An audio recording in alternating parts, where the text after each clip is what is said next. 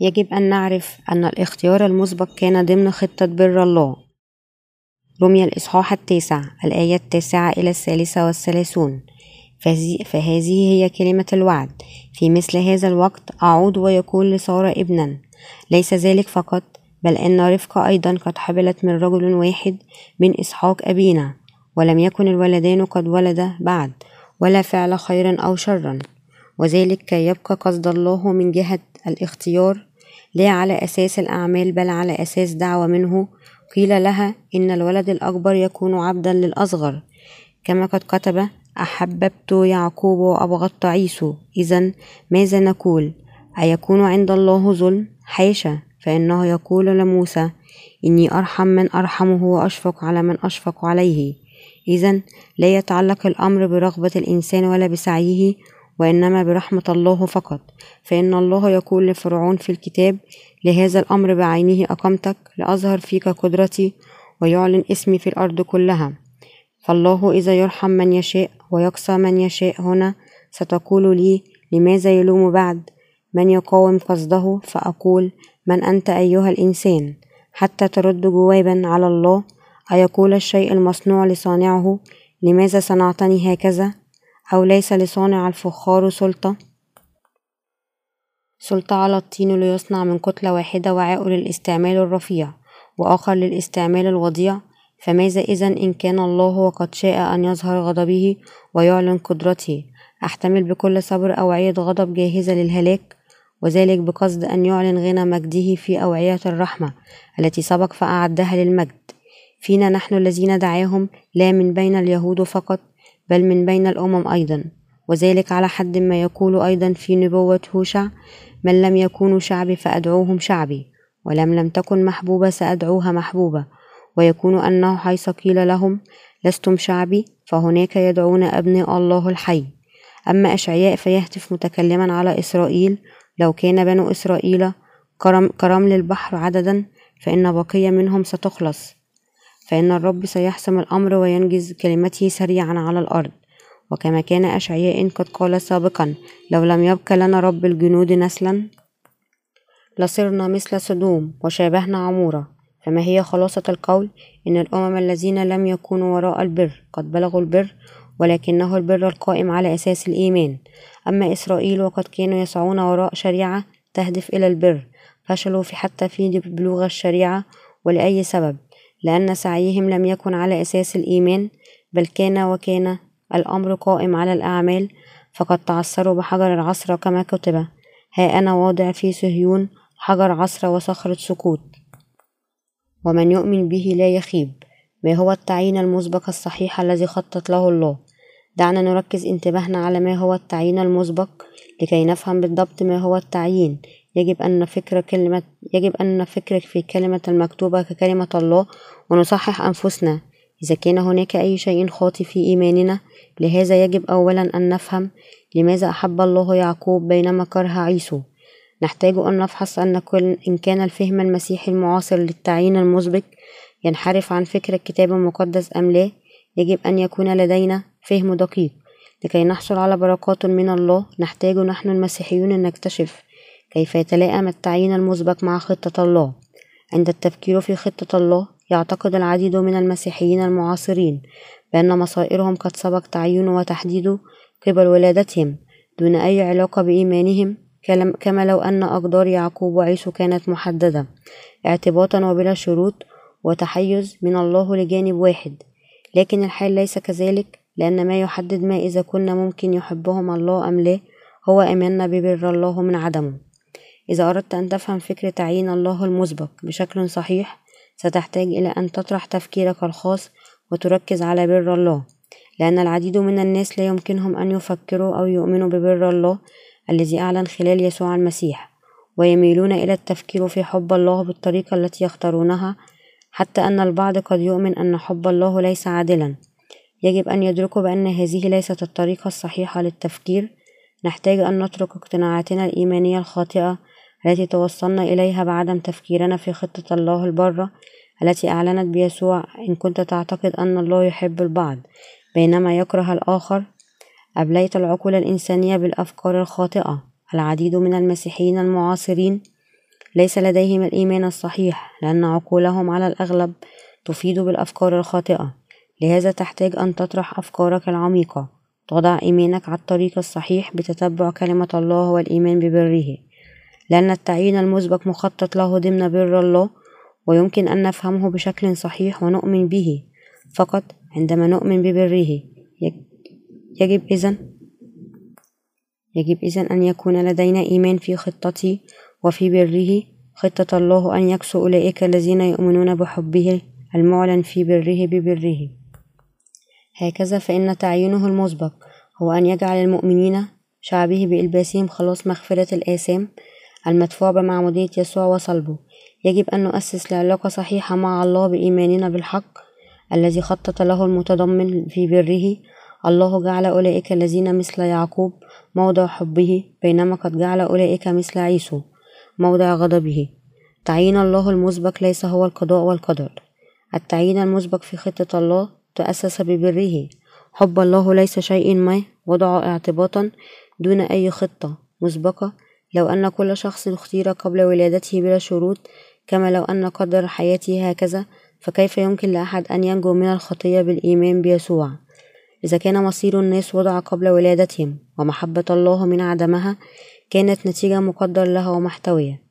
من كان سيرى بأن الله عادل ومن يؤمن بمثل هذا الإله لا أحد يريد أن يؤمن بمثل هذا الإله الاعتباطي والديكتاتوري لكن خطة إلهنا ليست اعتباطية ولا ديكتاتورية لكنها كانت لتنجينا من أثامنا ببره ويجعل شعبه أعطانا. الله بره ضمن هذه الخطة وداخل بر الحب هذا.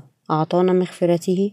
هو قد أعد لكساء أولئك الذين يؤمنون بحبه ببره بالحب وأعد الغضب لأولئك الذين لا يؤمنون به. أود أقول ما يلي لأولئك المستائين من فكرة تعيين الله المسبق بناء على سوء فهمهم.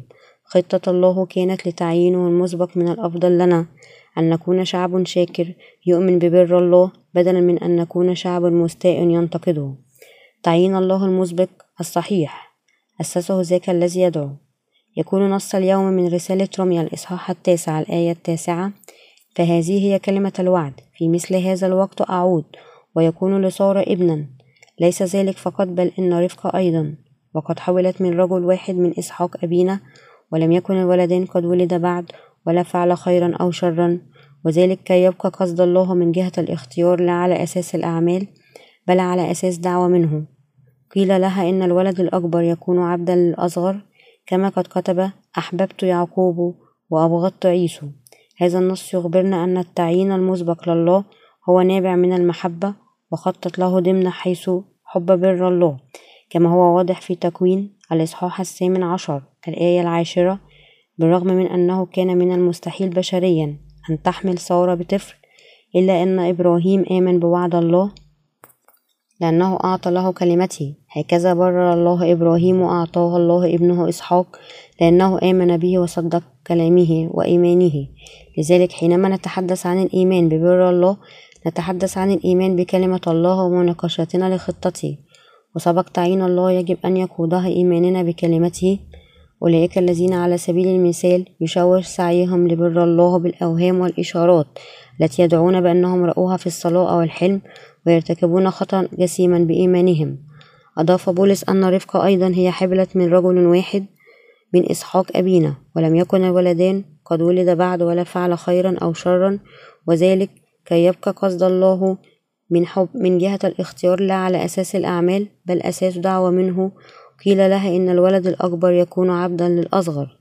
الكتاب المقدس يخبرنا أن إسحاق إذا لم يكن له أطفال صلى إلى الله والله أجابه بإعطائه توأم. يمكن أن نرى بأن سبق التعيين الذي خطط له ضمن بر الله يرتبط ارتباط وثيق بإيمان أولئك المحبوبين من الله. يحق لنا أن نكرر الآية الحادية عشر هنا مرة ثانية. ولم يكن الولدان ولد بعد ولا فعل خيرا أو شرا وذلك كي يبقى قصد الله من جهة الاختيار.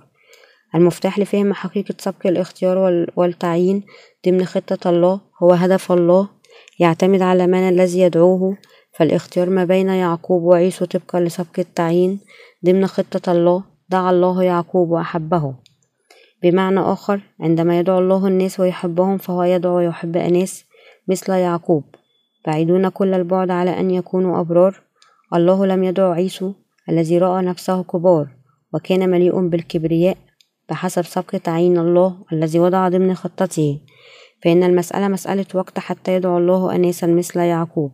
كان هدف الله من دعوة أناس مثل يعقوب هو أن يجعل الخطاة أولاده أحرارا من الخطية ويدعو ليكسو المدعوين بالحب. هو الله ما بين يعقوب وعيسو الذي دعا كان يعقوب. يجب أن نعرف بر الله في خطته ونؤمن به. يمثل يعقوب الشكل المثالي للخاطي الذي أظهر الله رحمته ضمن بره بينما تمثل عيسو الذي يديرون ظهورهم إلى الله بتجاهلهم لحبه البار واتباعهم برهم الذاتي لهذا مفتاح فهم كلمة الله بخصوص سبق التعيين الموضوعة ضمن خطته هو أن ندرك أن هدف مواقف الله هو الذي يدعو. نحن يجب أن نحرر أنفسنا من الإيمان الخادع الذي نسجناه بأفكارنا الذاتية. الله يمكن في بره أن يحب فقط يعقوب ويكره عيسو. وليس كما تزعم الأديان الأخرى أن محبة الله لك وخلاصه يكون بحسب الأعمال الصالحة لكنه فقط بالإيمان بخطته وبره تصبحون أولاده مفتدين من أسامكم. هل الله مخطئ؟ الله يحب أولئك الذين يؤمنون ويحبون بره. بمعنى آخر إن لم يخطئ أبانا حينما قرر أن يحب أولئك. الذين يؤمنون ببر الله في يسوع المسيح وجعلهم أولاده لم يخطط الله أن يحب كل شخص في يسوع المسيح لكن أن يحب من هم مثل يعقوب. يجب أن نسأل أنفسنا إذا ما كنا مثل يعقوب أو مثل عيسو لكن حتى أولئك المملوئين بأعمالهم الصالحة وبرهم الذاتي ما زالوا يريدون أن الله يحبهم لكن لا يمكن لأحد أن يمنعهم من الانزلاق في الطريق الخاطئ. هاتان الفئتان من الناس موجودتان دائما محبوبون أو مكروهون من الله حتى ونحن نتكلم الآن. يجب أن نقدم الشكر لله ونسبحه مجده بالإيمان بحبه البار وخطته لخلاصنا. يجب أن نشكره لأجل حق إنجيل الماء والروح الذي نؤمن به والذي انعكس بشكل مدهش في بر الله. يجب على كل شخص أن يدرك أنه لكي يكتسب حب الله أن يعترف بضعفاته الشخصية وأسامه أمام الله. ويؤمن ببره. المشكلة هي العديد من المسيحيين عاجزين عن الإيمان بمعمودية يسوع وحقيقة الصليب التي أكمل بر الله ويؤمنون بشكل خاطئ أن الله يحب البعض بينما قدر لآخرين أن يتركهم ويتجاهلهم. والمعضلة هنا هي الحقيقة المؤسفة أن هذا النوع الخاطئ من الإيمان هو المنتشر ويبشر به عن اقتناع إلى الآخرين. كما أنه سريع الانتشار مقتضى الكثير والكثير ممن يسيئون فهم حب الله. الذي أعلن في تعيين الله المسبق الذي خطط له. ما يحاول الله أن يخبرنا به في قصة يعقوب هو أنه لكي تصبح ابنه. لا يتطلب الأمر البر الإنساني لكن يتطلب الإيمان بحب بر الله الذي سبق فعينه طبقا لخطته. يخبرنا الكتاب المقدس أن الله أعطى سارة الابن الذي وعد به إبراهيم. هذا يخبرنا أنه حتى في يومنا هذا أولئك الذين يؤمنون في الحب وكلمة بر الله يمكن أن يصبحوا أولاده ونصبح كهؤلاء الأولاد يجب أن ندرك الحق الذي أعطى بإيماننا في بر الله وخطته لكي نؤمن بهذا الحق. نحتاج أن نؤمن بحب الله وبره. هذه الحقيقة لا تعني بأنه ليس بتديننا أو بجهودنا الذاتية. يمكن أن نصبح أولاد الله لكن يعني أن الطريق الوحيد لنصبح أولاد الله هو الإيمان بكلمة الحب وبر الله. التي قالها لنا وخطتها لنا يجب أن ندرك جميعا بأنه فقط أولئك الذين يؤمنون بحب الله والبر هم المكتسين بحبه. ماذا؟ إذا يجب أن يكون قرارنا أنه يجب أن يكون لدينا إيمان في معمودية يسوع ودمه على الصليب. يجب أن نطلب من الله رحمة لأجلنا. يجب أن نعترف أمامه أننا لا نستحق أن ندع شعبه لأننا جميعا خطاة. أولئك المكروهين من الله هم مكروهين لأنهم ليسوا بحاجة أن يؤمنوا بحبه وبالبر. يجب إذا أن نعرف ونؤمن بخطة الحب التي سبق الله فعينها لنا.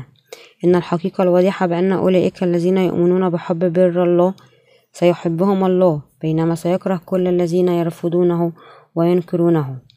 من يمكنه أن يقبل إنجيل الماء والروح؟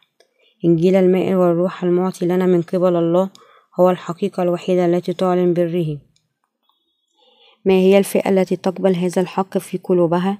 هي من يعترفون بأن مصيرهم هو الدينونة الأبدية وأنهم خطاة أمام الله وأمام كلمته. يطلبون رحمتي قائلين أنا خاطي يا رب لا يستطيع أن أعيش بنواميسك على الإطلاق. أعطيك قلبي وأخضع لك.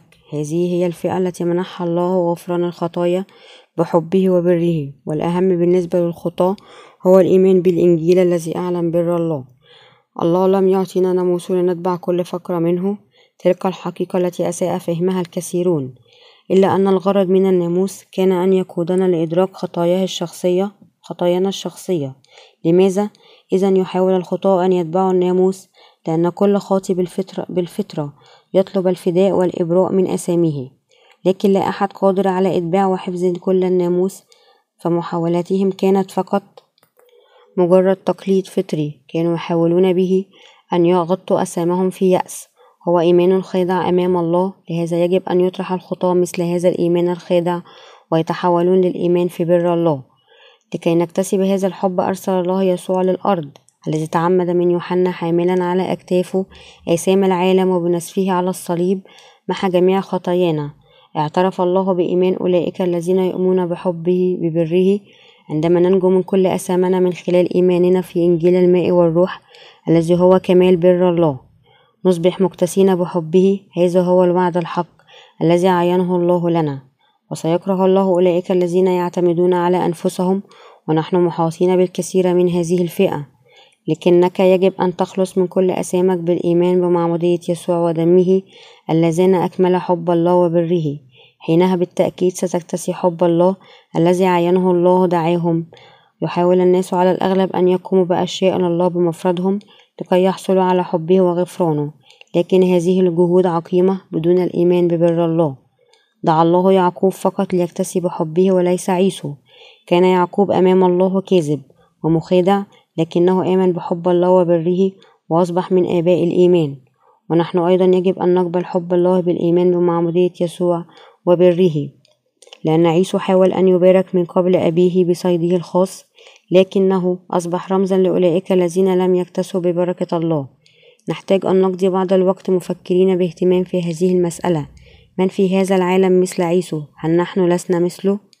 من مثل يعقوب هم من يستحوذون على حب الله البار؟ نعرف بأننا أيضا أشرارا وضعفاء كما كان يعقوب. الله لكن الله قد دعانا. حتى قبل أن نولد لنثبت ليس بأعمالنا لكن بدعوته. عندما دعانا الله أولا جاء يدعو الخطاة للأبرار والمكروهين من الله هم أولئك الذين يعتقدون بأنفسهم أنهم مملوئين ببرهم الذاتي والذين لا يؤمنون بحبه الرحيم أولئك الذين فيهم مثل هذا الإيمان الضال مكروهين من الله ولا يمكن أن يكتسوا بحبه ليكونوا شعبه. الله سبق فعين لنا هذا الحق في قلبه لذا يعلن بولس بشكل حازم. إذا ماذا نقول؟ أيكون عند الله ظلم حاشا؟ رمي الإصحاح التاسع الآية الرابعة عشر. أولئك المحبوبون من الله هم من؟ مثل يعقوب. عندما ينظر الله إليك هل تكون بالفعل ضمن فئة من سيرحمهم الله؟ ما هو المبرر الذي يحتاج الله أن يقدمه حينما يشفق على من يشفق ويكره من يكره؟ كيف يمكن أن نقول لله أنا قد أخطئ في حقنا؟ هناك الكثير بلا حصر يعيشون على هذه الأرض يحب الله بعضهم منهم بينما الآخر لا. هذا يعني أن الله قد أخطأ في حقهم؟ الله إله عادل. أيضا يدين أسام أولئك الذين تحولوا ضد بره يجب أن نتجنب أي سوء فهم في هذه المسألة. بفهم خطة الله المعلنة في بره بإيماننا في هذا البر. هناك الكثير من المسيحيين المضللين من تصلبت قلوبهم مثل الفرعون. هؤلاء هم فئة المكروهين من قبل الله. تشرح الآية السابعة عشر من هذا الإصحاح فإن الله يقول لفرعون في الكتاب لهذا الأمر بعينه. أقامتك لأظهر فيك قدرتي ويعلن اسمي في الأرض كلها. نحن كلنا ناقصين أمام الله إذا لذا علينا أن نكون ألا نكون مثل فرعون. فهل سيكرهنا الله؟ نحن العاندون مثل فرعون؟ لأننا لا نؤمن بمعمودية يسوع ودمه على الصليب كفداء لنا. نعم من هم مثل فرعون ينقلبون ضد الله ومثل هؤلاء يتباهون ببرهم الذاتي ويعتمدون عليه. على ماذا اعتمد الفرعون؟ اعتمد على نهر النيل ووثق فيه معتقدا أنه طالما لديه كل إمدادات الوفيرة من الماء سيكون كل شيء على ما يرام لهذا يكره الله مثل فرعون أي أحد يتصلب قلبه مثل ذاك الذي لفرعون سيكرهه ويلعن من الله أما أنت لا تكن مثله لكن بدلا من ذلك يمكنك أن تصبح ابنه بقبول الحب الرحيم الذي قد أعطاه لك الله مجانا هل تقبل بفرح خطة الله البارة؟ هل قلبك مستعد لقبول حب الله البار الذي سبق فعين لك بخطته؟ هناك بعض الناس مع أنهم يؤمنون بيسوع يعانون بسبب سوء فهمهم لخطة الله في مثل هؤلاء يتساءلون أؤمن بيسوع لكن هل اختارني حقا؟ إذا لم يكن قد اختارني فما فائدة إيماني؟ ماذا يجب أن أعمل إذا؟ أنا لا يمكن مجرد أن أتوقف عن الإيمان بيسوع ماذا يمكن أن أعمل؟ أؤمن بيسوع حقا لكن ماذا إذا لم أكن ضمن المختارين؟ ولربما يحاولون أن يربحوا أنفسهم باعتقادهم بما أنني أؤمن بيسوع وأحضر خدمات الكنيسة فالله لابد أن يكون اختارني. هذا بالتأكيد بالتأكيد لي مكان في السماء لكن حينما يسقطون في الخطية يتساءلون ثانيا. لابد أن الله لم يختارني وربما حان الوقت لأن أترك الإيمان بيسوع. من الناحية الأخرى أولئك الذين يؤمنون بالتعليم اللاهوتيون أكثر من كلمة الله لربما يقولون ألم يقل الله بأن الأكبر سيكون خادما للأصغر؟ وأنه أحب يعقوب بينما كره عيسو حتى قبل أن يولدوا فما أننا نؤمن بيسوع الآن؟ بالتأكيد نحن وضع لنا أن نخلص حتى قبل ولادتنا. لكن بولس الرسول يخبرنا أن سبق التعيين الذي خطط له من قبل الله هو لا على أساس الأعمال بل أساس دعوة منه. إتباع الناموس لا يجعل من أحد ابنا لله لكن فقط بالإيمان ببر الله بر الله ورحمته وحبه المعلن بمعمودية يسوع ودمه على الصليب. بسبب العقائد التي وضعها اللاهوتيين عجز الكثيرون على أن يؤمنوا بمعمودية يسوع ودمه وإعلان بر الله كخلاص لهم. أولئك الذين سمعوا حب الإنجيل ورأوا بره وحتى الآن لا يؤمنون به هم بالضبط مثل فرعون. يكره الله أولئك الذين يحاولون أن يصبحوا أولاد الله بالإيمان بيسوع. بحسب استحسانهم الشخصي دون إيمان في بر الله المعلن في يسوع المسيح. إذا لم تؤمن بحب الله البار المعلن في يسوع حان الوقت لتفعل هذا حينها تكتسي بحب الله. كنا جميعا بالأساس مثل عيسو أما الآن خلصنا على الفور من أثامنا بالإيمان بحب بر الله.